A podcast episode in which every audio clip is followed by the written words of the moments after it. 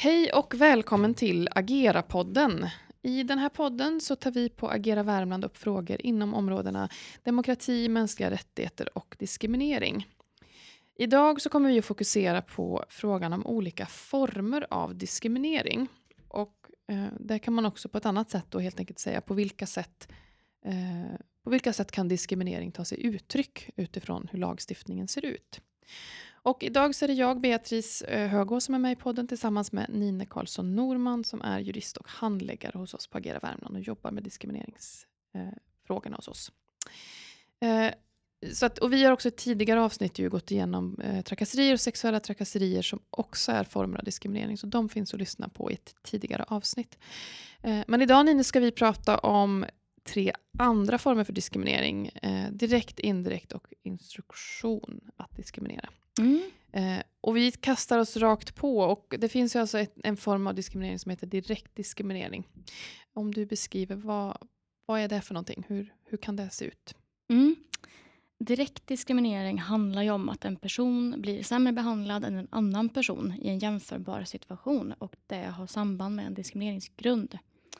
Eh, och rent principiellt kan man väl säga att det handlar om att lika fall ska behandlas lika och olika fall ska behandlas olika. Mm. Kan du utveckla vad det innebär det här med ja, men så här jämförbar situation och, och lika fall ska Mm. behandlas lika? Ja, det här är ganska krångligt men eh, om man tänker sig att en person söker vård till exempel eh, och nekas vård eller får sämre vård utifrån sin sexuella läggning som ett exempel jämfört med någon som har en annan sexuell läggning. Eh, och så ser man då till vårdbehovet, att man har samma vårdbehov men får olika vård. Där kan man se då att, Mm. Att lika fall inte har behandlats lika och Just att det det. kan utgöra diskriminering Mm. i direkt mening. Just det. Och som sagt, vi har ju, som du sa också, att det här att det har samband med eh, en av de här sju diskrimineringsgrunderna. Jag tänker, vi kanske kan upprepa alltså de sju Mm. diskrimineringsgrunderna också, så att Mm. lyssnarna vet, vet vilka de är. Ja, precis. Eh, Då har vi ju kön, sexuell läggning, könsidentitet, etnisk tillhörighet, eh, religion, ålder och nu ska vi se, Funktionsnedsättning. funktionsnedsättning. Mm. Tack. Precis. Mm. Och att det då har samband med, det låter ju lite sådär, jaha, Mm. eh, hur, hur ter sig det? Liksom? Vad betyder det om vi ska utveckla liksom, vad lagstiftningen menar med det? Mm. Ehm, Ja, det betyder ju att det behöver finnas en, en direkt koppling mellan ett missgynnande, sämre eller orättvis behandling och grunden. Mm. Eh, Det kan vara så att det finns flera orsaker till varför man får ett visst bemötande eller, behandlan, eller, eller behandling. Eh, Men att eh, diskrimineringsgrunden utgör en av dem. Det räcker alltså att det är en av anledningarna. Just det. Eh, Men att det behöver finnas någon form av samband till grunden. mm. Eh, Att man då i ett bevisläge behöver kunna visa på någon omständighet som tyder på detta samband. Då. Mm. Eh, Du nämnde ju något exempel där, liksom, om man söker vård till exempel. Mm. Eh, och vi tänker att vi tar upp lite olika exempel på, inom, för Mm. diskrimineringslagen gäller inom olika samhällsområden, ett väldigt stort eh, antal samhällsområden. Ehm, om vi tittar på till exempel ehm, ja, men det här med liksom handeln eller restaurang exempelvis, hur skulle direkt diskriminering kunna ehm, se ut inom de områdena? Mm. Rättsfall på de områdena har handlat om att man till exempel inte har blivit insläppt på en restaurang eller i en butik, att man inte har fått handla. Eh, och att det här har berott på en diskrimineringsgrund. Eh, det finns rättsfall kring sexuell läggning. Att man inte har blivit insläppt på en restaurang därför att man har hållit hand med sin partner.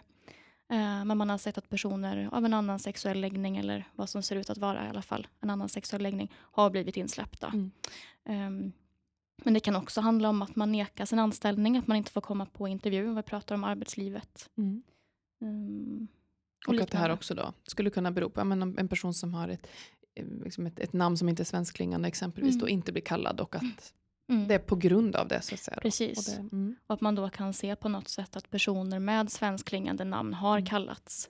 Eh, men att vid en jämförelse av meriter så, så framstår det som att, att man då har gjort urvalet på bland annat Mm. kanske hur ett, ett namn klingar. Då.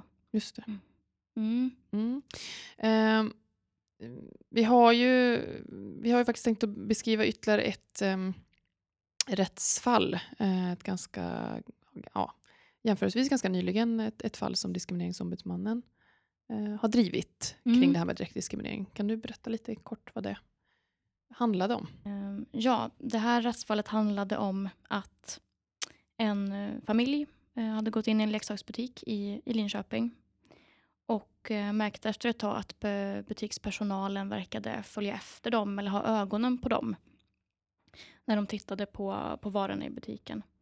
Ehm, och när, när ehm, den ena familjemedlemmen då ifrågasatte personalen, personalens beteende så fick man till svars att, eh, att man avsåg att ringa Securitas om familjen inte gick ut ur butiken. Ehm, det fanns också en inspelning här där det framgick då att personalen hade haft en, en tämligen otrevlig attityd gentemot familjen. Um, och uh, man hade då frågat, familjen hade frågat personalen varför man följde efter dem och då hade butikspersonalen uttryckt någonting i stil med att man tidigare hade haft problem med personer med samma etniska bakgrund som den här familjen, som var en romsk familj. Och det här anmäldes då till Diskrimineringsombudsmannen som drev fallet och eh, domstolen i Linköping slog fast att det här utgjorde en form av direkt diskriminering eh, som har samband med etnisk tillhörighet. Mm. Och eh, butiken hade resonerat som så att man försökte då eh, förebygga stöld helt enkelt i butiken Eh, och man trodde då att det var det man, man gjorde genom att ha uppsikt över de som rörde sig i butiken. Men det fanns ju ingen, ingenting som tydde på att någon i det här sällskapet hade planerat att ta någonting eller så. Eh, så därför så var ju det här en, ytterst en, ehm, en fördom eller en förutfattad mening mm eh, som låg till grund för beteendet. Mm. Mm. mm. Ja, um men då har vi några exempel, så direkt diskriminering. Och, mm. och, såklart när man bara liksom hör det så kan man ju tänka det här att okej, okay, det, det, är med direkt orsak av en diskrimineringsgrund. Eh, Men det, och den, det viktiga tänker jag som du lyfter är det här att eh, den här ändå, den jämförbara situationen. Söker jag jobb eh, och ja, får inte komma på intervju och jag tänker så här, men det här är för att jag är kvinna. Alltså så, eller jag har fått, mm. ja. Um, för man, ja, man antar eller misstänker att det skulle kunna ha att göra med det. Och då, nej men det, det finns andra kvinnor som har kallats till en intervju här. Då blir det svårt att hävda då mm. eh, att diskriminering föreligger utifrån grunden kön. Helt mm. enkelt. Mm. mm. Eh, om, om någon säger att så här, men jag menar ju inte att, jag menar ju inte det här att diskriminera eller så här, nej men det, ja, att mm. man inte har som intention att diskriminera så att säga. För det, mm. hur, hur ser lagen ut eh, då? Finns det något, eh, kan man komma undan? Mm. eh, nej, ska jag svara på det. Eh, det krävs alltså ingen avsikt att diskriminera för att förbudet enligt lagen ska gälla. Det finns inget eh, krav på uppsåt som man ofta brukar prata om till exempel straffrätten och sådär. Eh, utan det räcker att, att en diskriminerande effekt upp, uppstår för en person. Och det är därför det här rättsfallet, eh, exemplet som vi tog här i, Linköping med familjen i, i leksaksbutiken, är ett väldigt viktigt exempel på just det här hur fördomar i värsta fall kan leda till diskriminering. Mm. Och att det faktiskt inte krävs en avsikt att missgynna någon. Precis. Mm. Nej, för de menade ju att avsikten var förebygga stöld. Men det, det Nej, precis. blir ju något helt annat i den här situationen som är ja. viktigt att belysa. Ja, precis. Mm. Då har vi avhandlat liksom det här med direkt diskriminering och sen så har ju lagen en, en annan form som heter indirekt diskriminering och den eh, eh, den, ja, lite krångligare och mm. lite svårt kanske att bara genom att höra det veta vad det handlar om. Mm. Så vad innebär indirekt diskriminering? Hur ter sig det? Ja, eh, det är krångligt men det är ju också lite som det låter, alltså att det blir någon form av indirekt diskriminerande effekt. Men här handlar det istället om kriterier eller bestämmelser eller policies av olika slag som är neutrala, vilket innebär att de alltså gäller för alla på samma sätt i teorin, men när det tillämpas så får det en särskilt negativ effekt för en viss grupp. Som då kopplar till en diskrimineringsgrund också? Precis. Att de, någon av de här sju.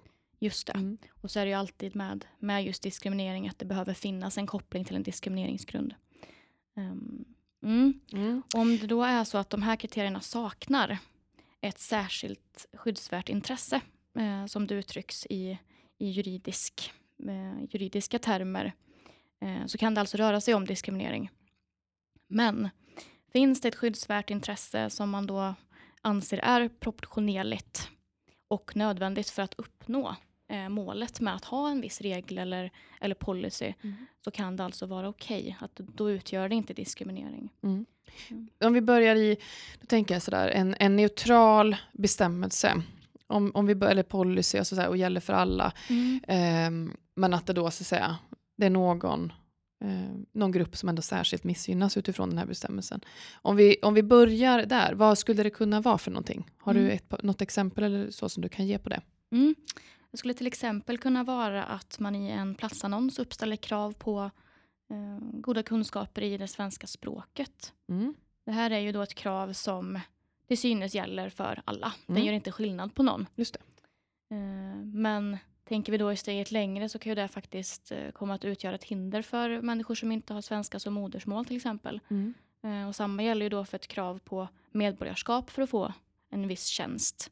kommer ju då att, att försvåra Mm. Eh, tillgång till den tjänsten för alla som har ett annat medborgarskap än svenskt helt enkelt. Mm. Eh, kan också handla om att man uppställer ett krav på en kroppslängd eh, i jobbannonsen. Och här har vi ett, ett rättsfall som avsåg en person, eller en kvinna ska jag säga, som sökte en, en tjänst på en bilfirma. Eh, men nekades därför att hon inte uppfyllde längdkravet i jobbannonsen. Mm. Um, och det här leder ju oss lite in på det här med berättigade syften. Mm. Alltså olika skyddsvärda intressen då, som man kan tänkas ha för att ha de här kraven. Kravet eh, var ju en fråga man då ställde till den här arbetsgivaren. Eh, och man kunde inte identifiera något sånt skyddsvärt intresse eh, som kanske skulle ha kunnat vara eh, säkerhetsskäl. Man har ett krav av säkerhetsskäl. Eh, om den här personen då skulle ha jobbat med maskineri till exempel. Eh, men just den här tjänsten rörde försäljning på bilfirman. Så därför så såg man ju inte att, att de här kraven hade eh, ja, men ett, ett berättigat syfte helt enkelt som var ändamålsenligt. Mm. Och det utgjorde alltså diskriminering på grund av kön då eftersom att kvinnor i genomsnitt är kortare än män. Mm. Just det. Mm. Och i som fallet med som språkkunskap, för det är ju en sån sak som säkert många på ren slentrian och vana när man sätter ut jobbannonser skriver så här, men goda kunskaper i, Mm. i svenska. Mm, ja, det har man ju Så. sett. Om vi tänker där då, ett, ehm, en situation där det skulle kunna vara ett berättigat krav, alltså, men det här blir ett viktigt krav. Det skulle kunna vara om du ska jobba som kommunikatör på en myndighet eller något liknande, Mm, kanske där man ska mm. jobba då med, med Ja. verkligen svenska språket Ja, och men det ska vara precis. tillgängligt för, för liksom alla som Ja. ska ta del av. Ja, kanske lärare i svenska och, Mm. och liknande. Det. Där det alltså är absolut nödvändigt för att kunna utföra jobbet helt enkelt. Precis. Eh, utifrån ja, men, säkerhetsskäl eller vad det nu kan Mm. handla om. Just det. Mm. Men att det också i för många tjänster inte krävs den typen av Ja. kunskaper. Och det snarare som du säger, och det, då, Ja. riskerar, då finns det inget berättigat syfte utan Nej. man snarare riskerar att utestänga Precis. personer då indirekt från, Precis. från Så- jobb. Ja, och, och för den typen av krav så innebär det att man behöver göra en, en, en grundlig, en grundlig eh, ja, men, eh, undersökning av om det verkligen är nödvändigt att ställa ett sådant krav. Mm. Just utifrån de här bestämmelserna i, i diskrimineringslagen. Då. Mm. Och det kan ju vara ganska svårt, för, eh, tänker jag, ut- när vi pratar indirekt. Men ehm, kan du säga någonting om så hur, hur man kan tänka då kopplat till eh, diskrimineringslagen, när man ska tänka ut det här kring, ja, men kan vi ställa upp ett sånt här krav eller kan det riskera att vara diskriminerande? Mm. Ja, det gäller ju att, att lite tänka utanför för boxen brukar jag säga. Um, men att uh, försöka föreställa sig, eh, uh, kan, kan alla jobba hos oss utifrån vilka krav vi ställer på tjänsten och vad som är nödvändigt? Kan alla söka sig till oss om det nu är arbetslivet då? Eh, men att, att också tänka utifrån diskrimineringsgrunderna eh, som ju också är ett krav enligt diskrimineringslagen faktiskt att arbeta med aktiva åtgärder mot diskriminering. Eh, Så det är ju ett, ett jättebra tips på Mm. hur man kan förebygga helt enkelt sådana här situationer. Mm. Men noga överväganden och, och att se över om det nu är i arbetslivet. Vilka krav man ställer för tjänsterna och se till att de är absolut nödvändiga. Mm. Så man inte riskerar att utesluta någon som faktiskt kan, kan eh, bidra med jättebra kompetens. Mm. Man brukar kalla det här för en avvägningsregel, det vill säga man måste väga mellan, mellan flera skyddsvärda intressen eh, och viktiga kanske principer eller vad det nu kan handla om. Eh, och, och uppnå en, en jämn balans mellan dem helt enkelt. och, och, och skydda det som, som är mest skyddsvärt. Mm. Och det kan ju vara jättesvårt, det är ju svåra avvägningar och därför blir ju frågan om indirekt diskriminering alltid en fråga om fall till fall. Man måste Mm. titta på varje enskilt fall och alla omständigheter Mm. i, i, den, i det fallet. Mm. Eh, ett, eh, ett rättsfall ju kring indirekt diskriminering eh, som inte var för så länge sedan. Eh, det gällde ju en, en kvinna som nekades en anställning Mm. eh, på grund av att, eh, ja, men att hon inte hälsade i hand på ja, berörd arbetsgivare eller personen som rekryterade eh, på grund av dennes kön, han var man. Mm. Eh, och det blev ju ett fall just där man faktiskt ju ansåg att nej, men det här utgör indirekt diskriminering. Mm. Eh, jag tycker det fallet är, det är ganska intressant för att beskriva vad, hur den här formen ser ut. Skulle du kunna utveckla lite sådär, eh, ta oss igenom det rättsfallet lite grann, bara i Mm. korta ordalag. Ja, det här handlar ju precis som du sa om att kvinnan då eh, inte hälsade på eh, den här mannen genom handskakning utan la istället sin hand över, över hjärtat och hälsade. Eh, och det här var då anledningen till att, att hon också inte fick tjänsten. Och arbetsgivaren uppgav som skäl till det här att man ur arbetsmiljösynpunkt krävde att alla anställda hälsar på, på alla genom att ta i hand. Oavsett vilken religion man hade eller sådär, att man inte gjorde en undantag. Och om vi då ser till domstolsresonemanget här så ansåg man ju att ett, en god arbetsmiljö kan uppnås på andra sätt. Man behöver inte ha ett krav på, på handslag för att kunna eh, uppnå en god arbetsmiljö, utan det kan man göra på andra sätt och jobba med det på, på andra sätt helt enkelt. Mm. Eh, och eftersom att den här kvinnan också uppgav att hon hälsade lika på alla och särskilt om det kanske var män i rummet så ville hon, då var hon medveten om att hon inte ville eh, visa att hon, att hon gjorde olika eller att, ja, så att hon då hälsade på, på samtliga genom att lägga sin hand över, över bröstet, över hjärtat. Eh, och då ansåg domstolen att, att eh, därför kan man alltså inte göra Eh, man kan inte särbehandla på det sättet genom att inte ge henne den här tjänsten enbart på grund av en, hennes hälsningsstil då utifrån religion. Och att det faktiskt utgjorde diskriminering. Mm. Och igen har vi det här, till synes tyckte man en neutral Mm. policy, men vi vill ha en god arbetsmiljö Mm. eh, och det här tycker vi är rimligt att Mm. kräva då för att man ska uppnå det. Eh, så. Men igen då, Mm. då att den bestämmelsen i sig, eh, tittar man då på de här sju diskrimineringsgrunderna så visar det sig att ah, här finns det faktiskt exempel där, där personer kan missgynnas i så fall Ja. med en sån regel.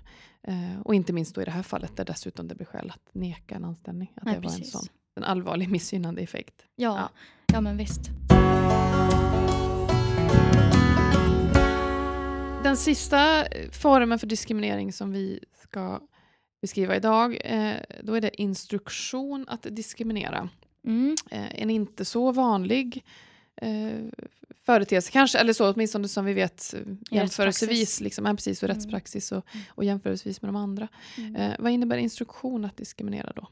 Ja, man kan ju börja med att säga att den här formen av diskriminering handlar om att någon i beroendeställning inte ska kunna utnyttjas för att begå diskriminerande handlingar. Hur kan det se ut konkret, i en konkret situation? Eh, om du beskriver något. Ja, rent konkret skulle det kunna handla om en restaurangägare som instruerar en anställd att inte släppa in eller betjäna personer från en viss etnicitet eller med en viss sexuell läggning. Eh, några sådana rättsfall har vi ju sett tyvärr. I bästa fall så följs ju inte den här instruktionen av den som får den. Mm. Eh, och då handlar det ju inte om diskriminering enligt lagens mening. Men följs den här eh, orden eller instruktionen då, då rör det sig om diskriminering och förbudet eh, anses överträtt. Mm. Eh, och det är både den som har gett instruktionen och den som har följt den som, blir, som blir, ja, men gör sig skyldig till diskriminering. Även om det är den som är ytterst ansvarig för verksamheten som ju blir eh, den, den ytterst ansvariga och juridiskt ansvariga. Mm. Mm. Så så skulle det kunna se ut. Just. Mm. Då har ju vi eh, gått igenom det här med liksom hur kan diskriminering se ut. Eh, som vi sa, vi har tidigare pratat sexuella trakasserier och trakasserier som ju också är former av diskriminering. Och nu då gått igenom direkt, indirekt diskriminering samt instruktioner att diskriminera. Eh, vi kommer vid ett, eh, i ett annat avsnitt att också prata om ytterligare en form av diskriminering som heter bristande tillgänglighet. Men det blir ett eget avsnitt när vi också kommer att fokusera på eh, diskrimineringsgrunden funktionsnedsättning. Mm. Eh, finns det frågor och funderingar kring det här med diskrimineringslagen och eller om man upplever sig diskriminerad så är man varmt välkommen att höra av sig till oss naturligtvis. Eh, vi har kostnadsfri rådgivning och kontaktuppgifter finns på vår hemsida ageravarmland.se. Så säger vi jättetack eh, till er som har lyssnat på det här avsnittet.